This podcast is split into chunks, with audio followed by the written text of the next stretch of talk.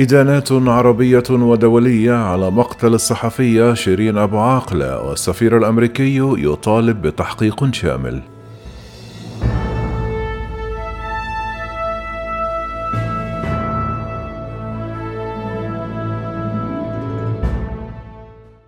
توالت ردود الفعل الدولية والعربية على مقتل الصحفية الفلسطينية شيرين أبو عاقلة وطلب السفير الأمريكي في إسرائيل توم نيدز بإجراء تحقيق شامل في ملابسات مقتلها وإصابة صحفي آخر. قتلت الصحفية في قناة الجزيرة القطرية شيرين أبو عقلة صباح الأربعاء أثناء تغطيتها عملية عسكرية للجيش الإسرائيلي في جنين بالضفة الغربية.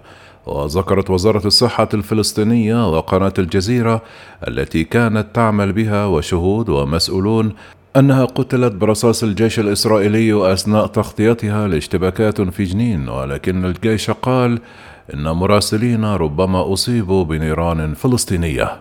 غرد السفير الأمريكي في إسرائيل توم نيدز قائلا محزن جدا علمنا بوفاة الصحفية الأمريكية والفلسطينية شيرين أبو عاقلة. ودعا نيدز إلى إجراء تحقيق شامل في ملابسات مقتل شيرين أبو عاقلة وإصابة صحفي آخر.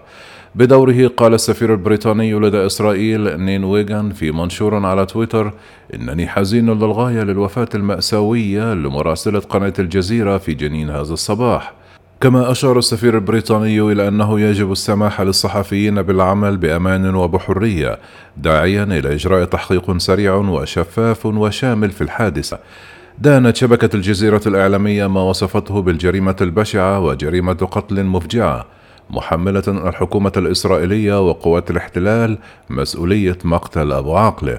قالت شبكة الجزيرة في بيان أقدمت قوات الاحتلال الإسرائيلية وبدم بارد على اغتيال مراسلتنا في فلسطين شيرين أبو عقلة برصاص حي استهدفها بشكل مباشر وأضافت أن أبو عقل كانت تقوم بعملها الصحفي في تغطية اقتحام الجيش الإسرائيلي لمخيم جنين للاجئين بالضفة الغربية وهي ترتدي السترة الصحفية بشكل واضح يدل على هويتها.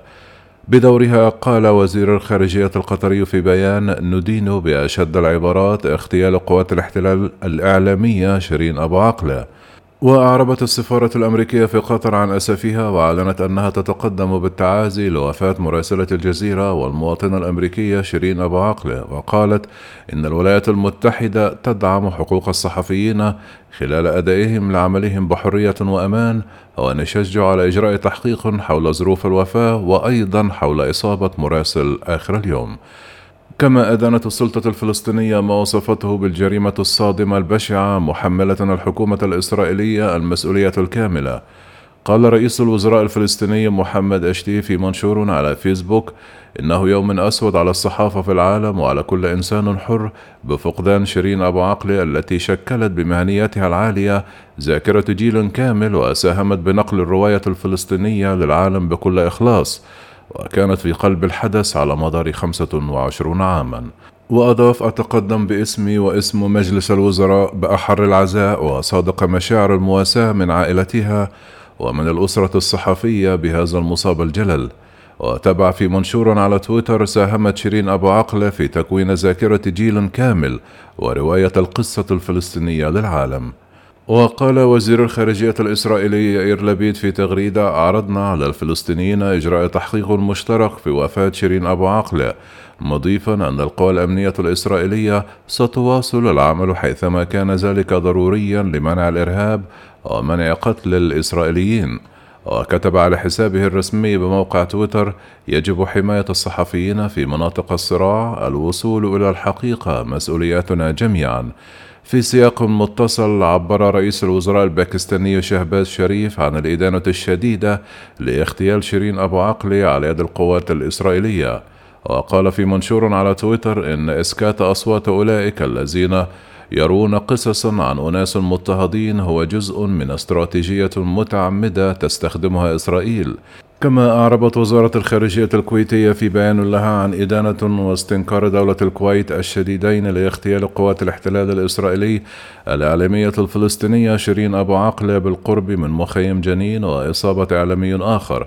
وأوضحت الوزارة أن هذه الجريمة النقراء التي تتحمل سلطات الاحتلال مسؤوليتها كاملة تعد انتهاكا صارخا للقانون الدولي الإنساني وتعديا سافرا على حرية التعبير والإعلام ودليلا جديدا دامغا على بشاعة الاعتداءات التي تقوم بها سلطات الاحتلال ضد الشعب الفلسطيني الشقيق. الأمر الذي يستوجب من المجتمع الدولي فتح تحقيق لمساءلة مرتكبي هذه الجريمة البشعة وملاحقتهم أمام جهات العدالة الدولية.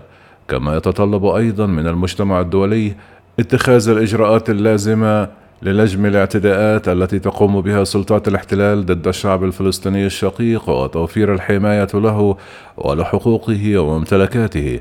كما أعربت وزارة الخارجية الكويتية عن خالص التعازي وصادق المواساة إلى أسرة الشهيدة وإلى حكومة وشعب دولة فلسطين الشقيقة وتمنياتها للمصاب بالشفاء العاجل.